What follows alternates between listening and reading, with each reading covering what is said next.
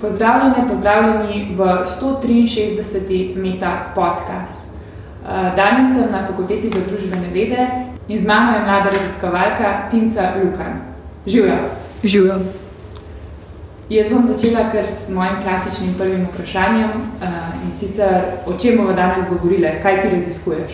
Ja, danes bomo govorili o delovnih razmerah vplivnežev v Sloveniji kaj jih motivira, kako so plačani, kako usklajujejo njihovo delo, tako da take stvari. Torej, deluješ nekako na področju sociologije, nekih delovnih odnosov v, v delu, v službah in podobno. Pomenila sem sociologijo, si to že študirala na prvi, drugi stopni, te je vedno vleklo v to, kakšna je bila ta tvoja študijska pot do, do raziskovanja vplivnežev in vplivnic. Mm, študirala sem sociologijo, pa komunikologijo. Um, svet dela me je že od skozi fasciniral, tudi z vidika nekih osebnih vprašanj, eksistencialnih vprašanj. Če imamo lahko radi to, kar delamo, nas delo lahko veseli, ali je delo nekaj, do česar moramo biti bolj kritični.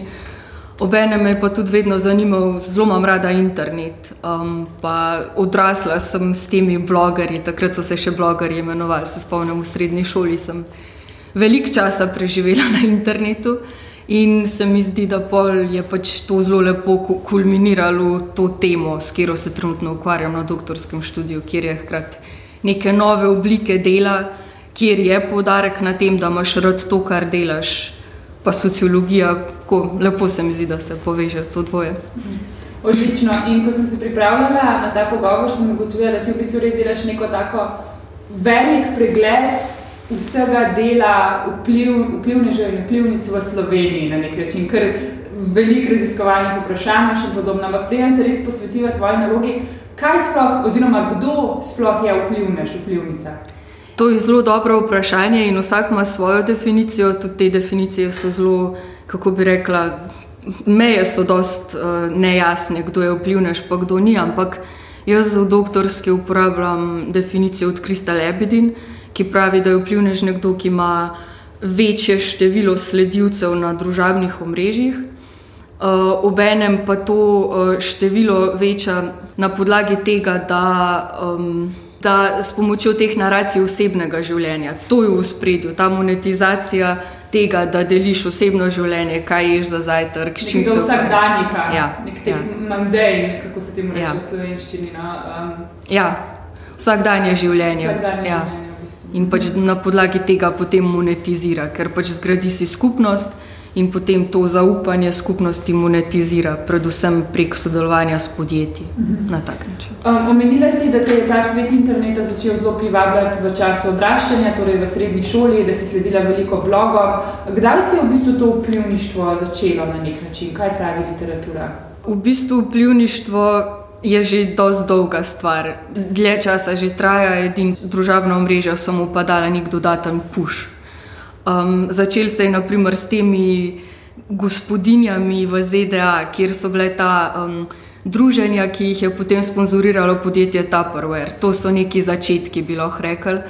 Ampak tako vplivništvo, kot ga poznamo danes, pa ki ga jaz raziskujem v smislu družabnih omrežij in platform, Um, je pa takrat nastalo v času 2008 gospodarske krize, takrat beležimo ta vzpon tega, kjer je v bistvu šla večina ekonomije na dol, družabna omrežja in te platforme pa strmo gor. In to ni na ključe, to je pač povezano eno z drugim, zato ker. Oglaševalci so takrat v tistem kontekstu krize medijev iskali neke nove načine oglaševanja in so se v bistvu te takrat blogerji, danes vplivneži, izkazali za zelo prikladne pač sredstva za marketing v bistvu. No. Mm -hmm. Tako da takrat se je začel, zdaj pa pač gre samo še na vzgor, oziroma mm -hmm. mogoče že malo pada. Gremo se zdaj posvetiti tvojemu dejanskemu, uh, dejanski dizertaciji oziroma nalogi. Uh, kot sem prej omenila, res imela zajeten no, količino raziskovalnih vprašanj kot neko pregled slovenskega sveta vplivnežev in vplivnic. Kako si prišla do tega, kaj te v bistvu zanima? Krovno raziskovalno vprašanje je samo eno in sicer je pač, kaj oblikuje delovne pogoje vplivna že v Sloveniji, oziroma v angliščini se lepše sliši What shapes the working conditions of influencers in Slovenija. Um, ta tema je neraziskana. In ravno zato pač zavedam se, da je zelo široka, ampak ravno zaradi te neraziskanosti nimaš druge izbire, ker da nekoliko širiš zastaviš, pa pol vidiš, kam, kje so pomembnejše teme, kaj se bolj kaže, kaj ne. In pač zato tudi ta širina. Predvsem pa želim s to širino tudi, kako se reče, nasloviti to raziskovalno vrzel, um, ki se kaže v obstoječi literaturi o pljunežih, kjer pač v anglosaškem svetu je to zelo dobro raziskan. Ampak po mojem mnenju je ta literatura zelo tehnološko deterministična, bi lahko rekel, ker se zelo osredotoča algoritmi, platforme, metrike, ker je pač ta govor je zelo v modi, da se ti danes ukvarjaš z algoritmi, pač boš sprejet v dobre revije, če boš o algoritmih govoril. Ampak se mi zdi, da nam ta fokus na algoritme nekako ne da cele slike. Ampak je treba iti malo širše v neke kontekste, v ozadja. Ne. In se mi zdi, da je tudi zato, no, sem je malo širša tema. Mhm. Omenila si algoritme, metrike, številke.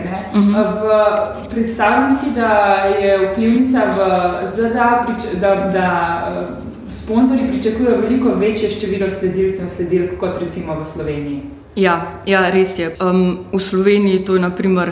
En izmed mojih zelo pomembnih ugotovitev je tudi ta, da so tle metrike zelo manj pomembne na splošno. Naprimer, tudi oglaševalcem niso tako pomembne. Naprimer, en dober citat je iz intervjuja mi je rekel: Pa kaj PlayStation briga, kakšen ričmo v Sloveniji. Ker smo pač v bistvu tako karen trg, ampak lih to, ker smo tako kareni, nas mogoče dela. Mislim, je zelo zanimivo tle raziskovati, mogoče še bolj kot v ZDA ali pa ne v nekih teh anglosaških kontekstih. To mogoče potem pomeni, da je možnost tudi za več vplivnežev biti uspešni, torej neki, z nekimi nišami? Ja, v Sloveniji je zelo zanimiv, ker v bistvu ta trg sploh ni vzpostavljen.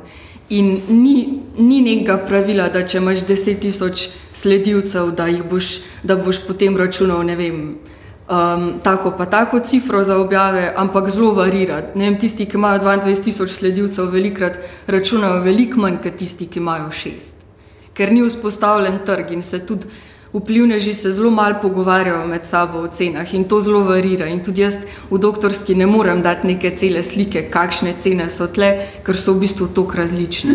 To je zelo zanimivo. Mhm. Torej, ni nekih, recimo, uh, ja, standardiziranih, torej za, tok, za tak doseg plačaš toliko. Ne, ne. Je zelo fragmentiran. Okay. Um, torej, omenili si, ja, da te res široko te zanima, kako je sploh urejena ta, tudi mogoče malo delovno-pravna zakonodaja za vplivneže. To tudi ne to, se to, to nisi tako posvečala? Ja, do neke mere tudi, ampak tle je v bistvu pri vplivnežih problem je otroško delo. Um, z tega vidika je pač to tudi delovno-pravno zanimivo. Drugače so pa oni v bistvu, če bi delali teste, ali so oni zaposleni, ali so v nekih teh prikritih delovnih razmerah, oni so sam, actual self-employed, se reče v angleščini. Ja. V bistvu, ampak bi pa vseeno izpostavila, da pač najbolj profitirajo od tega vse platforme. In platforme se mi zdi, da bojo tudi trendi kažejo, da bo šlo v to smer, da bi platforme mogle več odgovornosti na sebe prevzeti kot nek zaposlovalec. Okay. Torej, večino vplivnežev, vplivnic je samo zaposlenih. In um, vem, da v, dispoziciji doktorske naloge omenjaš, da nekateri, za nekateri je to polna zaposlitev, so mhm. torej samo zaposleni, samo od tega živijo, drugi je to neka mhm. dodatna aktivnost.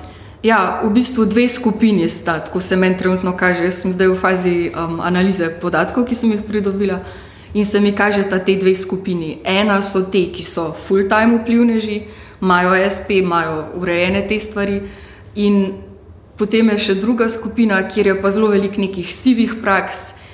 Pol legalnih, neki na pol, kjer imajo v bistvu velikrat redno zaposlitev ali pa pač so na porodniškem dopustu ali pa take stvari. No. Tako da tle je zelo veliko teh permutacij, različnih aranžmajev delovnih.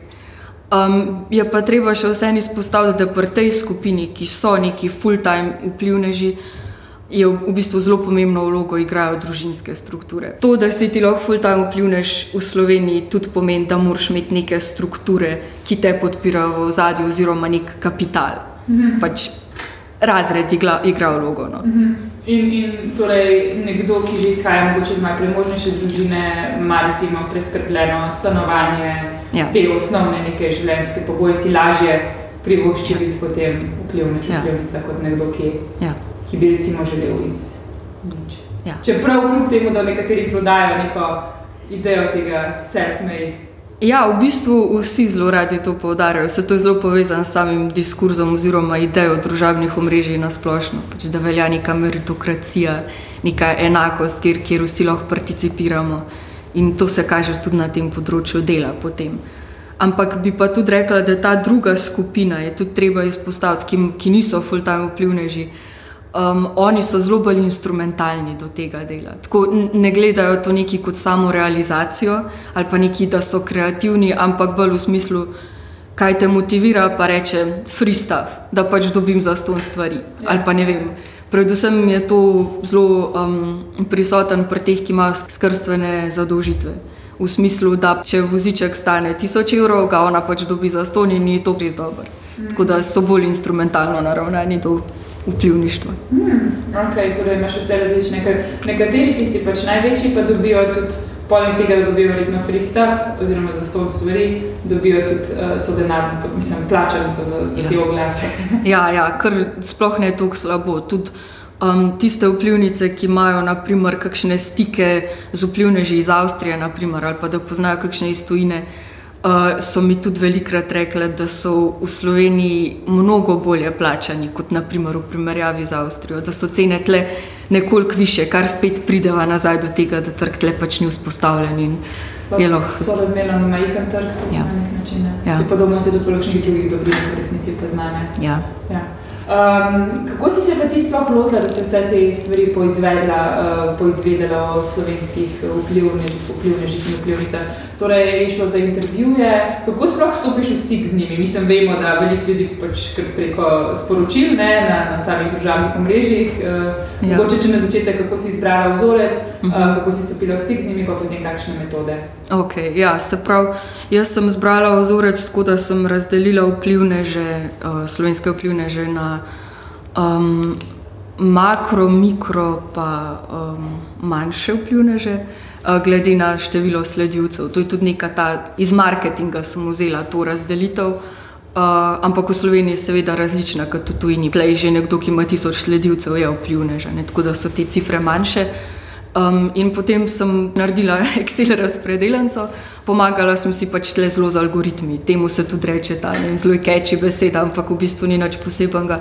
Algoritmik triangulation oziroma algoritemska triangulacija, um, kjer pač si pomagaš z algoritmi, da prideš v stik s, tvojimi, s tistimi ljudmi, ki jih Da raziskuješ. izbrala vzorec v bistvu. Ja, ja.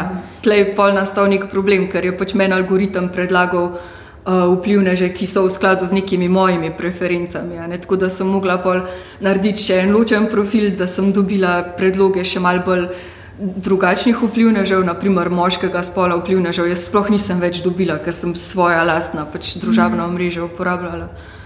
Tako da na tak način sem naredila nek seznam, pol sem rekrutacija pa potekala prek družabnih omrežij. Zelo sem si pomagala s temi platformami, da sem prišla v stik z njimi, kar mi je tudi blazno pomagalo, da smo zgradili neko to vzajemno spoštovanje pa zaupanje. Zato, ker veliko mi je rekel, ja, ker sem dobil tvoj mail, sem mislil, da je skem. Zato, ker kdo bi hotel mene intervjuvati za kar eno nalogo, kar neki, ampak so rekli, ja, pa, sem pa videl še tvoja družabna omrežja, a ne, ker sem TikTok sem odprla, pa Instagram sem odprla.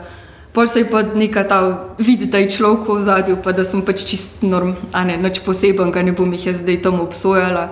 Tako da, ja, pol se je zgradil nek ta odnos z nami, tako da to mi je blazno pomaga. Ja, veliko si omenjala, zdaj, ko smo govorili, uh, se mi zdi, da smo sploh šle na vplivnice, bolj kot pa na vplivneže, ne pa si zdaj omenila. Uh, kakšno pa je sploh razmerje na našem trgu?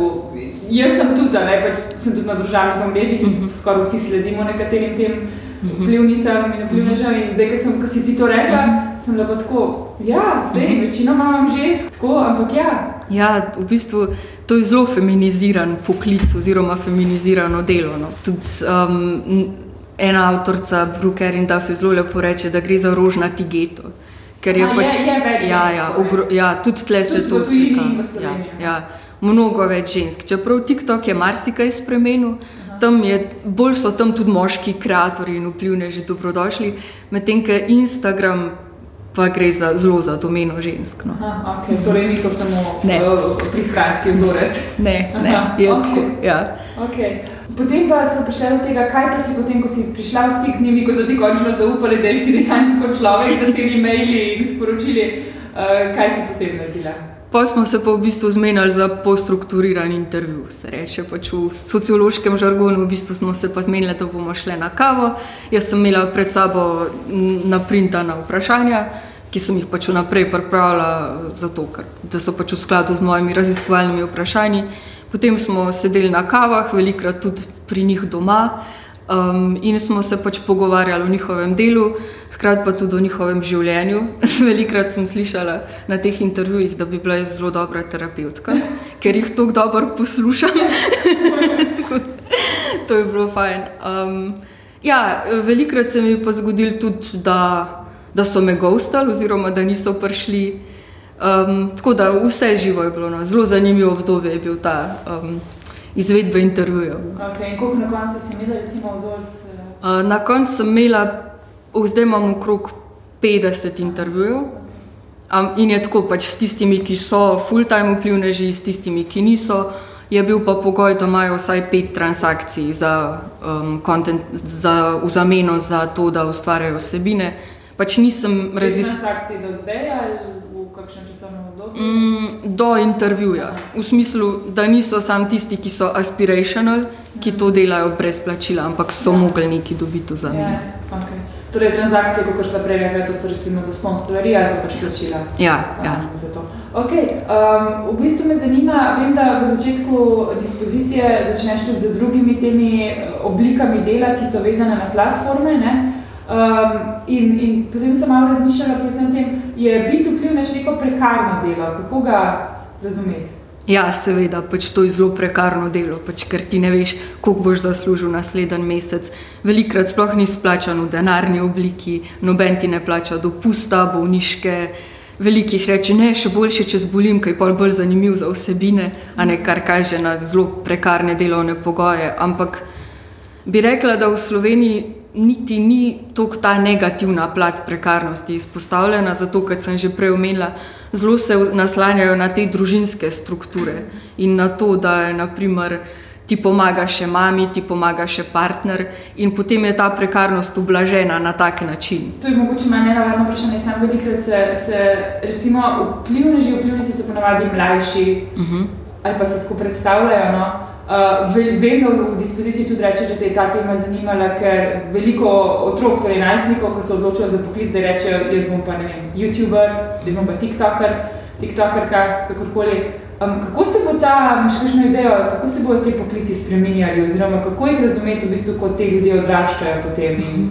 Vplivništvo je tudi zelo dobra, um, do, dobro sredstvo za dobiti neko službo, bolj konvencionalno službo. Vsaj v Sloveniji se mi to kaže. Da te, ki so študenti, velikrat rečejo, da sam to meni pomaga, ker se bom prijavljal na službo v marketingu, službo v medijih. A ne ta vidnost na družabnih omrežjih je nek kapital, ki pomaga dobiti neko konvencionalno službo, pač v, predvsem v medijih, v teh uh, nišah.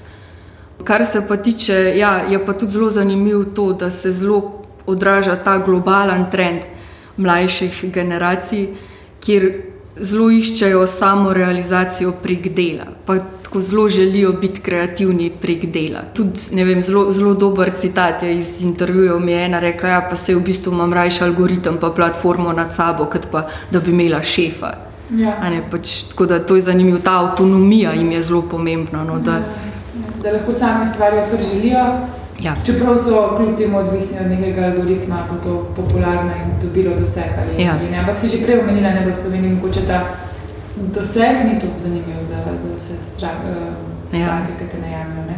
V bistvu rekla si, da izvajaš uh, pol strukturirane intervjuje, zdaj imaš nek kup intervjujev in jih analiziraš, sklepam, si zdaj v tem obdobju. Ja, ja, Ja. ja. Tako je, ja. Zdaj sem nekje na polovici analiz, um, ampak sej, mislim, sej prek, iz, prek same izvedbe intervjujev že dobiš neko pogled, sam zdaj moram to še strukturirati. Mm, da. verjetno mešane, mešane metode uporabljaš za analizo teh intervjujev. Od, uh, Ja, v bistvu uporabljam analizo vsebine, Polje pa pač razvijam kode, top-down coding, pa bottom-up. Nekatere pač kode sem razvila že na podlagi raziskovalnih vprašanj, nekatere pač se, so prišle spontano, kot je naprimer to, koliko njim ni pomemben nek algoritem, kot kar naprimer njihovim kolegom iz anglosaškega sveta. Um, veliko sodeluješ s tujimi univerzami, tudi si bila na večjih obiskih študijskih. Um, hkrati pa omeniš, da je zelo pomembno razumeti slo, uh, vplivneže in ta svet vplivnežev v Sloveniji. Um, kaj ti v bistvu to prinese, to sodelovanje s tujino in zakaj se ti zdi pomembno? Ja, zdi se mi pomemben, zato ker mi pač razširi obzorja, pa ker se zelo, zelo lepo pogovarjati z ljudmi, ki mogoče vejo več ali pa drugačne stvari od tebe. In meni je bilo blazno fajn v Amsterdamu, kjer so platforme zelo pomembna tema. Ne vem, tle, zelo, tle zelo težko dobiš sogovornika. Tam pa pač vsak bralen seminar, vsak teden, pa pol imaš, ne možgani ti eksplodirajo po vsakem pogovoru, ker je toliko zanimivih tem vidikov, ker smo si tudi različni sogovorniki med sabo. Tako da, predvsem s tem neko širino se mi zdi, da mi to da. Je pa hkrati se mi pa tudi zdi, v enem bi rada izpostavila, da je treba vseeno govoriti iz svoje lastne geografije, a ne da je ni za zanemariti, iz katerega konteksta govorim, ker vse. Geografija je tista, ki zelo pomembno določa vem, življenjske poteke, ekonomijo, vse v bistvu, tudi delo. Ne, kot tako. Pač različno je biti vplivnež v Sloveniji ali pa vplivnež ne vem, nekje drugje, ker tle imaš trg 2 milijona, vem, če pa govoriš angliško imaš pa skoraj cel svet, ja. ne in so razlike. Še eno vprašanje imam, preden zaključim s tem delom. In sicer, kako lahko, kako po teh tvojih izkušnjah, teh dveh, treh letih raziskovanja sveta, vplivnežev, vpliv in tudi govorov s tujimi kolegi, kolegicami, kako razumeti vplivneže v družbi? Omenila si, da, da zrasto je ta porast je bil po krizi ekonomski 2008. Um, recimo, če del, to, na nek, neke vrste so mediji, neke, neke vrste so reklama praktično. Kam jih uvrščamo, koliko je tega, da obveščajo, koliko je da v bistvu nekaj prodajajo, nam, kakšna je njihova vloga v naši družbi, kako jih ti razumeš, recimo, ker se dejansko s tem vsak dan ukvarjaš. Um, pa tukaj bi mogoče tudi dodala, ne, da če delaš v mediju, imaš vedno pred sabo, kdo je tvoja publika. Tudi prej smo mi začeli snemati, sem ti približno opisala publiko tega podcasta. Kako pa vplivne že res razmišljajo o tem? No? Kako, kako, kako ti razumeš njihovo vlogo v družbi kako oni mogoče sami sebe razumejo? Ja, ta vloga vplivneža je zelo zanimiva, predvsem z vidika dela, ker hkrati so mediji, kot si že omenila, samo benem so pa tudi starši. In pomembno je, če so tudi starši ali pa ne vem, bratje, sestre, karkoli. In pri njih se zelo spaja ta zasebno in javno. In Ta vloga je blazno zanimiva z vidika dela, kako je danes na delu nek najmanjši delček nas, v smislu naša identiteta je monetizirana v primeru vplivnežev. Na primeru vplivnežev. Jaz sem tle mogoče zdaj pristranska, ker zgodi se ti, da ko toliko časa preživiš z vplivneži, ker narediš 50 intervjujev z njimi, jaz jih imam full rada. Mislim, tako dobro se razumem z njimi, še zdaj si lajkamo, pa tako naprej. Tako da ne vem, mogoče bi rekla, da, da je najlažje obsojati kot se mi zdi, da večina družbe tako odpravi z vplivneži.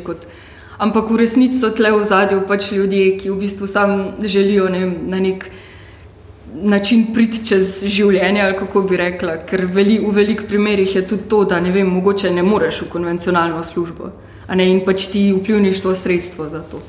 Tako da ne vem, ne bi rekla, da je to. Ne bi vzbujala neke moralne panike, kot se rada vzbuja v medijih, se mi zdi. Je pa to ja, tudi ne, zelo pomemben, tle bi še poudarila to. Te, ki imajo skrbstvene obveznosti, so neka zelo posebna skupina, se mi kaže no, v podatkih. Ker veliko je tudi to, da je pač danes težko biti starš, sploh ženska, ne mama, veliko teže biti, plus imeti konvencionalno službo. In pač ravno zato, da one lahko uh, upravljajo s, temi, s tem, da hkrati služi nek denar, hkrati pa skrbi za otroka, je v bistvu tle vplivništvo kot sredstvo. In zdaj obsojati to, da ona na individualni ravni tako rešuje to v bistvu krizo, skrbstveno krizo, ki je večja od njih, ki je strukturna. In je vplivništvo tle sredstvo za rešiti to. No. In zato pač ne bi tega obsojala, ker težko je imeti 9-to-5 službo, ki sploh ni 9-to-5, ampak je še veliko dlje in potem še imeti otroke in pač v to se je pol urinilo vplivništvo kot neko sredstvo za usklajevanje tega. Bi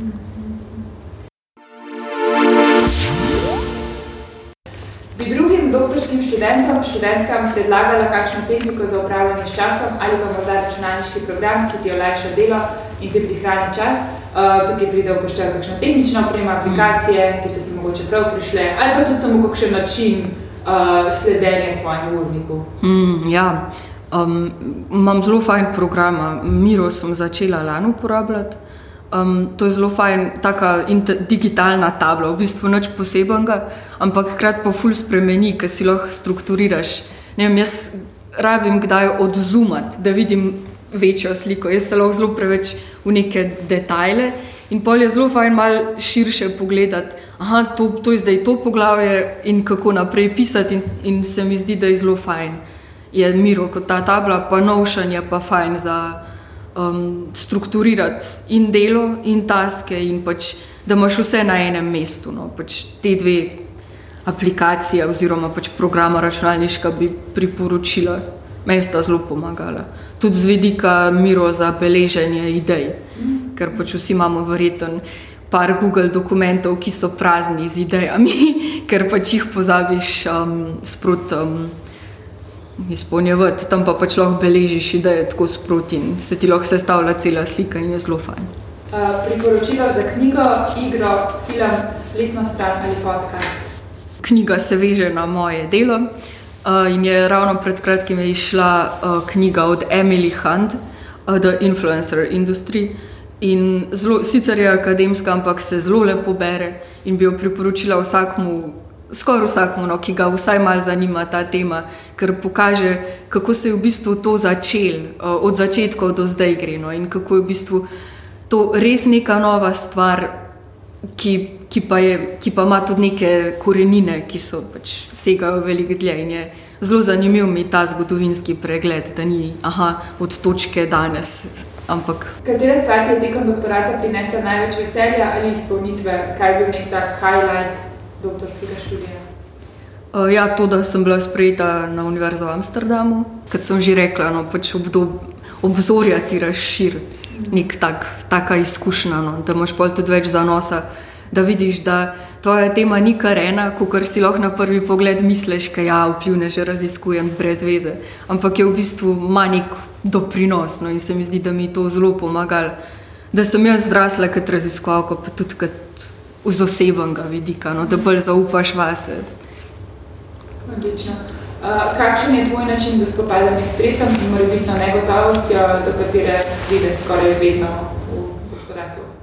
Ja, um, um, hm, ja, tako da v bistvu imam nek tak dvotiren odnos do svoje kariere, ne odnos oziroma pristop.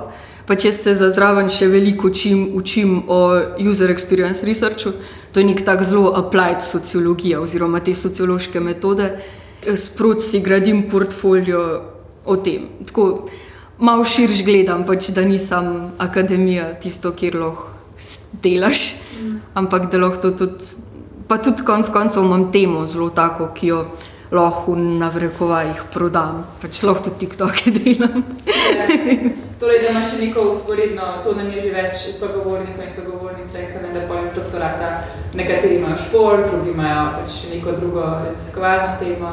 Ja. Mm.